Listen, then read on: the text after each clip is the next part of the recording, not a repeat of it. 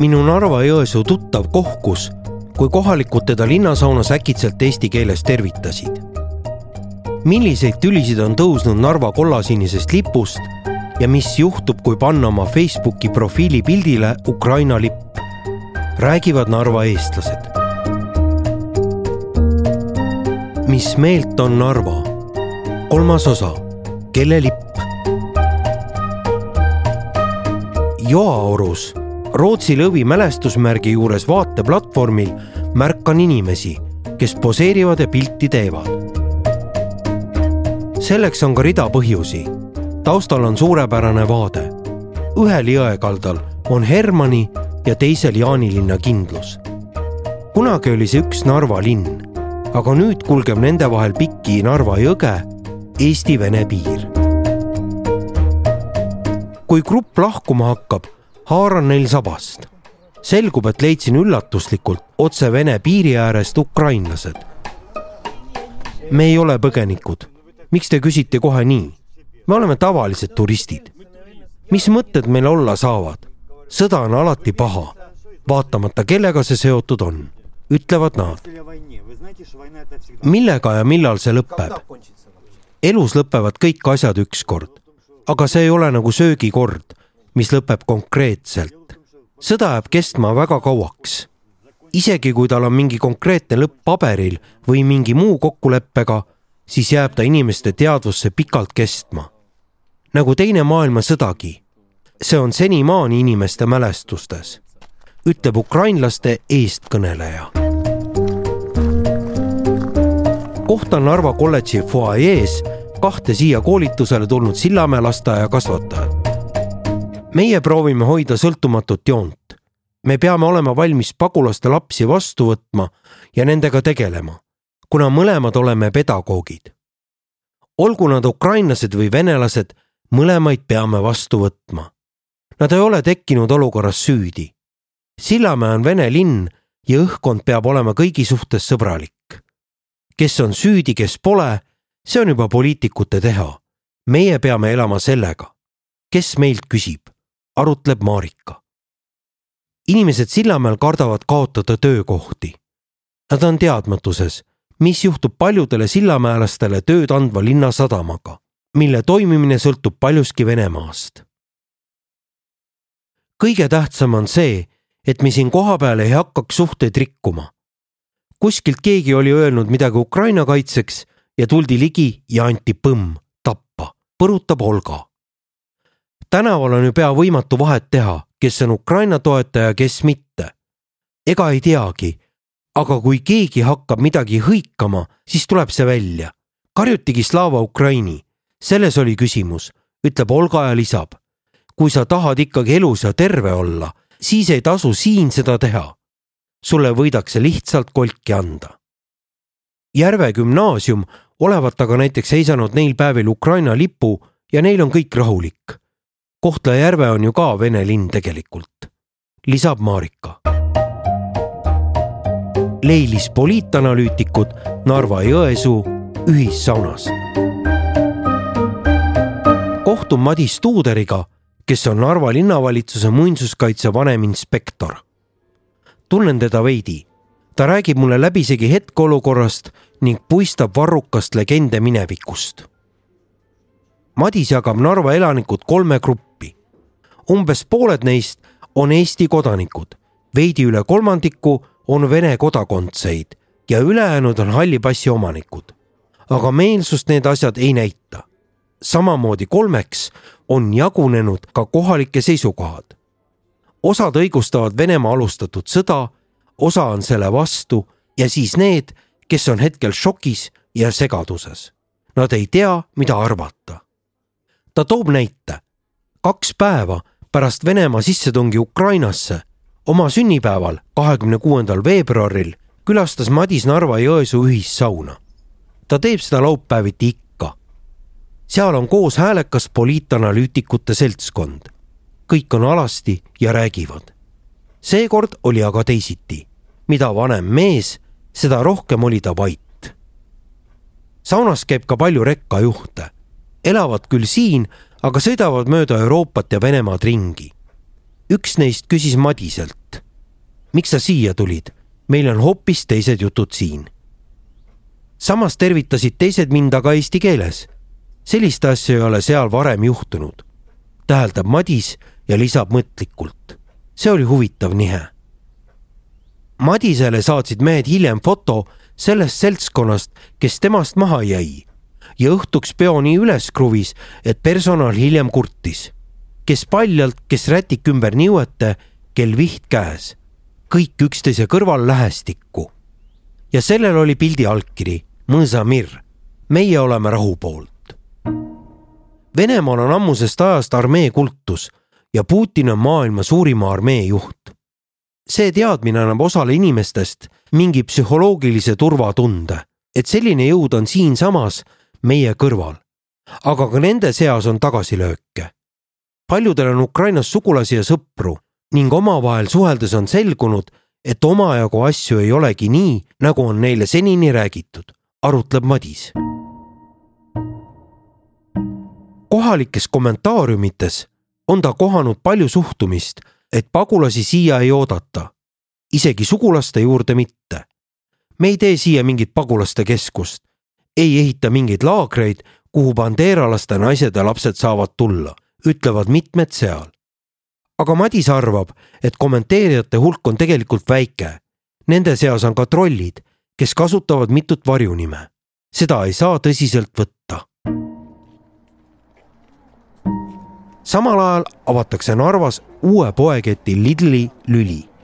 iga kaubanduskeskuse sünd Narva suuruses linnas on suur sensatsioon siia kerkib harva midagi uut, ütleb Madis.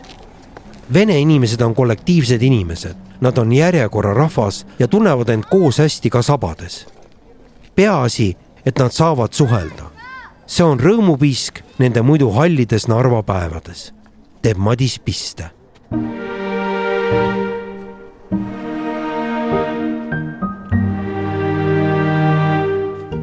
Narva lipp on tagurpidi Ukraina lipp sama lipp, aga tagurpidi. tooni vahe on, aga tavalise inimese silm seda ei erista. peale vaadates võib need vabalt segi ajada, ütleb Madis, kui selgitab, miks esmapilgul Narva ja Ukraina lipp ühesugused näivad. Madisel on rääkida sellega seoses üks naljakas lugu. piiripunkt on kohe Peetri platsil, seal kõrval on ka linnavalitsuse hoone. pühade ajal lehvib seal Narva lipp kahe tuhande neljateistkümnenda aasta Krimmi okupeerimise ajal said mitmed tundlikuma hingega Venemaalt tulijad vaata et kreepsu, kui nägid, et Ukraina lipp on neid esimese asjana tervitamas. lipuga meenub Madisele veel üks seik. Narvas Rugodivi kultuurimaja ees oli rahvuskultuuri seltside päev. paar aastat hiljem Krimmist aga sündmused olid veel kuumad. üleval oli kümmekond telki Ingeri soomlased, mitmed vene seltsid, valgevenelased, tatarlased, usbekid, tšuvašid, ka Narva Eesti Selts ja ukrainlased. tantsiti ja lauldi. kultuurimaja seinal rippusid sinimustvalge ja ka kollasinine Narva lipp. Lähedal asunud bussipeatusse tuli suurte kandamitega tõsine Narva mammi, kes tahtis sõita oma suvilasse, Daciasse. see hooaeg oli juba alanud natuke svipsis Valgevene mehed otsustasid mammiga nalja teha ja läksid, ütlesid, et vaadake, mis meil siin toimub. kultuurimaja fassaadil on fašistide lipp. mutike sai šoki, tal pidid ehmatusest riided seljast kukkuma. ta hakkas hüsteeritsema. helistas linnapeale ja kultuurimaja juhatajale ja ei tea veel kuhu. ta möllas seal nii kaua, et jäi kõikidest bussidest maha lõpuks ei jõudnudki oma aiamajja, jutustab Madis. Valgevene vanamehed ja ka Madis aga itsitasid selle peale. pärast kahe tuhande neljateistkümnenda aasta sündmusi said narvakad ise ka teada, milline on nende lipp. varem ei olnud see aktuaalne, konstanteerib Madis. vahetult enne tänavu kahekümne neljandat veebruari, kui pinged olid kruvinud hästi kõrgele olevat teinud üks Narva volikogu saadik mitteametlikes vestlustes ettepaneku muuta Narva lipp ära, sest see on Ukraina lipuga liiga sarnane, teab Madis rääkida.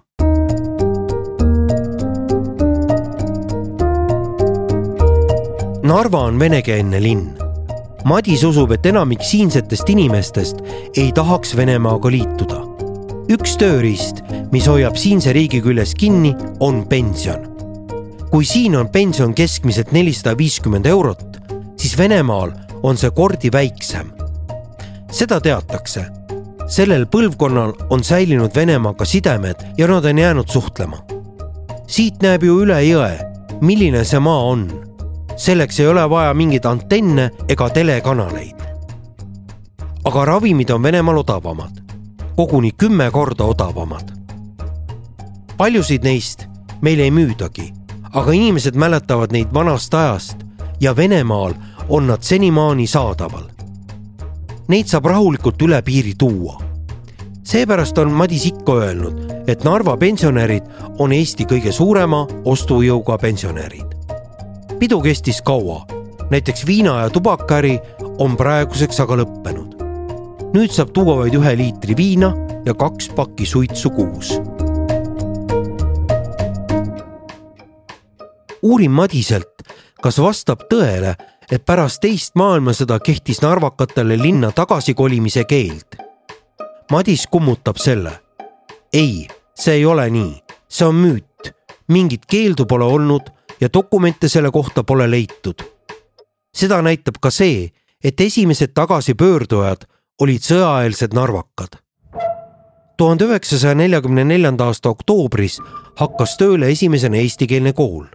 Kohe peale seda kui linn oli puhastatud lõhkeainetest. miks ei tuldud siis tagasi? tõenäoliselt on põhjus selles, et Narvas säilis pommitamiste tulemusel umbes neli protsenti sõjaeelsest elamispinnast. lihtsalt polnud kuskile tagasi tulla. arvestada tuli ka, et tuhande üheksasaja neljakümne neljanda aasta talv tuli kohe peale ja ilma toasoojata seda üle ei ela.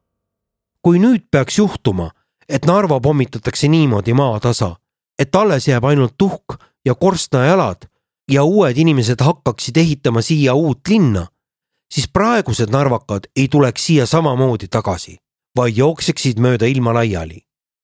sest seda Narvat, mille kogukonna liikmed nad olid ja sellist linnaruumi, mida armsaks pidasid, seda enam ei oleks, lisab Madis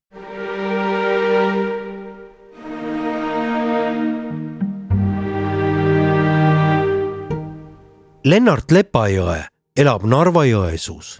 lapsepõlv möödus tal siin, vahepeal käis Tallinnas koolis, hiljem pöördus kodukohta tagasi.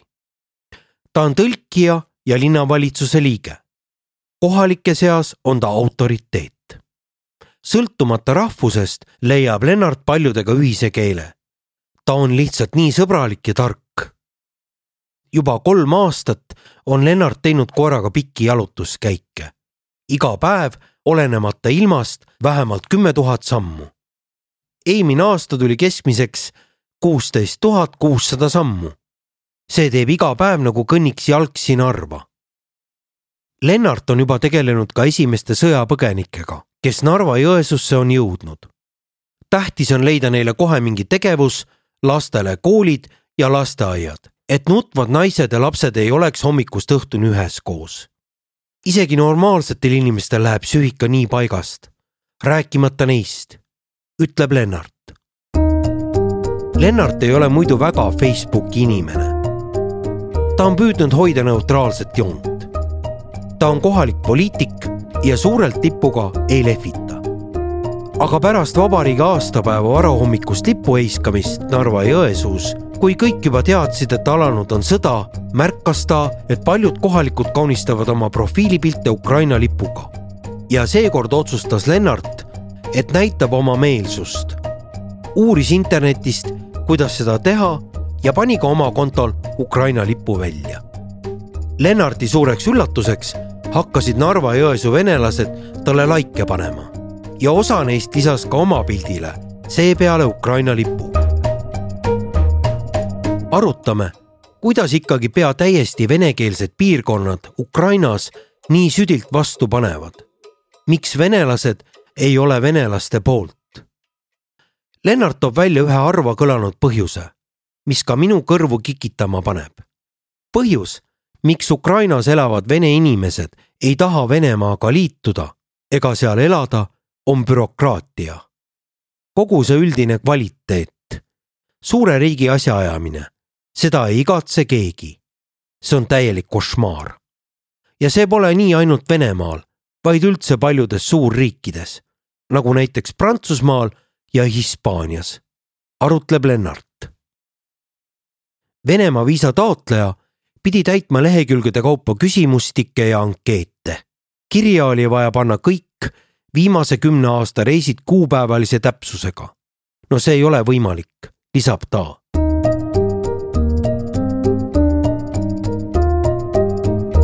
Lennart sõitis kahe tuhande kaheteistkümnendal aastal kahe nädalaga läbi pea terve Ukraina. kahe tuhande üheksateistkümnendal aastal reisis ta autoga Kiievist Odessasse suurematest linnadest pole ta külastanud ainult Harkivit. ta kujutab hästi ette sealset maastikku ja seda, mis seal praegu toimub.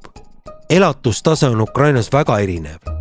see, mis toimub Kiievis, on hoopis teine asi kui see, mis kuskil põllumajanduspiirkondades.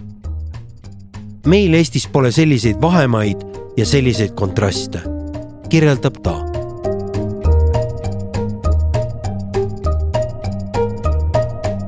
Venemaalt sai Covidi tõttu viimase kahe aasta jooksul Eestisse reisida ainult kindlatel põhjustel.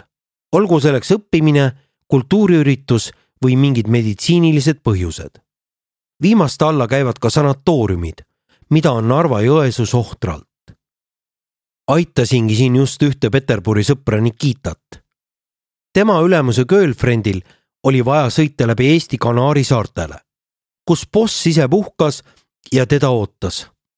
Neil olid seal Vene poolel juba mingid sideprobleemid või midagi sellist. igatahes pidin ma sõja esimestel päevadel siit koha pealt sanatooriumi tuusiku korda ajama, räägib Lennart. Juba sellepärast hakkas asi mulle mõnda aega tagasi kahtlasena tunduma, et koroonaviiruse tõttu ei lubatud inimestel Venemaalt Euroopa Liitu reisida. aga mujale sai, näiteks ilma igasuguste piiranguteta reisida Kesk-Aasiasse, kus pole ei vaktsiine ega midagi. võib-olla harjutatigi inimesi juba sellega, et nad ei saa tulevikus reisida ja teisalt näeksid nad Euroopas asja liiga palju teise nurga alt. seda, kuidas mujal paremini elatakse. Venemaa on kõigeks selleks juba pikalt ette valmistunud, lisab ta. reisimine on olnud ka pigem rikkamate venelaste teema üheksakümmend protsenti ei reisi üldse, neil pole selleks võimalust. nupukamad on ostnud ka selleks, et viisat saada, kokku Eestis odavaid kortereid, näiteks Püssi linna. seda venelast, kellel ei ole välispassi, teda ei kotigi uued piirangud. ta pole kunagi käinud välismaal ja ei tahagi sinna minna. see, et BMW-d ja iPhone'i Venemaal enam ei müüda, see ei loksuta teda absoluutselt tal ei ole seda kunagi olnud ja ta ei taha ka seda. leib on, viina valatakse, telekas ka näitab kangelast, elab ära, ütleb Lennart selle teema lõpetuseks. Mulle meenub selle peale kunagise Tartu Kunstikooli ajalooõpetaja ütlus, mis käis küll Esimese maailmasõja kohta, aga minu arust kehtib ka nüüd. Vene soldat on väga vähenõudlik. ühes taskus on tal tubaka, teises leivapuru ja juba ta sõdib Vene inimesed on ise sellele kõigele kaasa aidanud. Venemaal ei saa isegi töölt ära minna. Seda võidakse tõlgendada riigi reetmisena. aga sa ise oled aidanud oma tegudega või tegemata jätmistega neid seadusi vastu võtta. lõpuks oled sa keeranud endale sellise jama kokku. jõesukas Lennart jätkab. on täiesti selge, et peale Putini ja veel mõne pistriku ei tahtnud keegi sõda seda polnud neile kellelegi vaja. sa tahad sõita oma jahiga, varastada riiki edasi, elada hästi ja mille kuradi pärast on vaja seda Ukrainat? mis ütleme ausalt, on maailma mõttes ikkagi kolgas. neljakümne miljoni inimeseline tohutult suur kolgas. sa said Krimmi kätte, mis on seal põhimõtteliselt ainukene ilus koht. aga nüüd sa jäid endale Prantsusmaa suurust steppi, väljendab Lennart end emotsionaalselt. sellel vargapandel ei ole vaja ka maavarasid, nad ei suuda isegi enda omi müüa, kaevandada ega majandada. Nad on juba niigi palju kokku krahmanud. vallutataks siis midagi, millega ka midagi teha on. Venemaal on nii palju maad ja valdusi. kuhu nad ronivad, kui tagumine ots juba hinnastub? tehku olemasolev esmalt korda.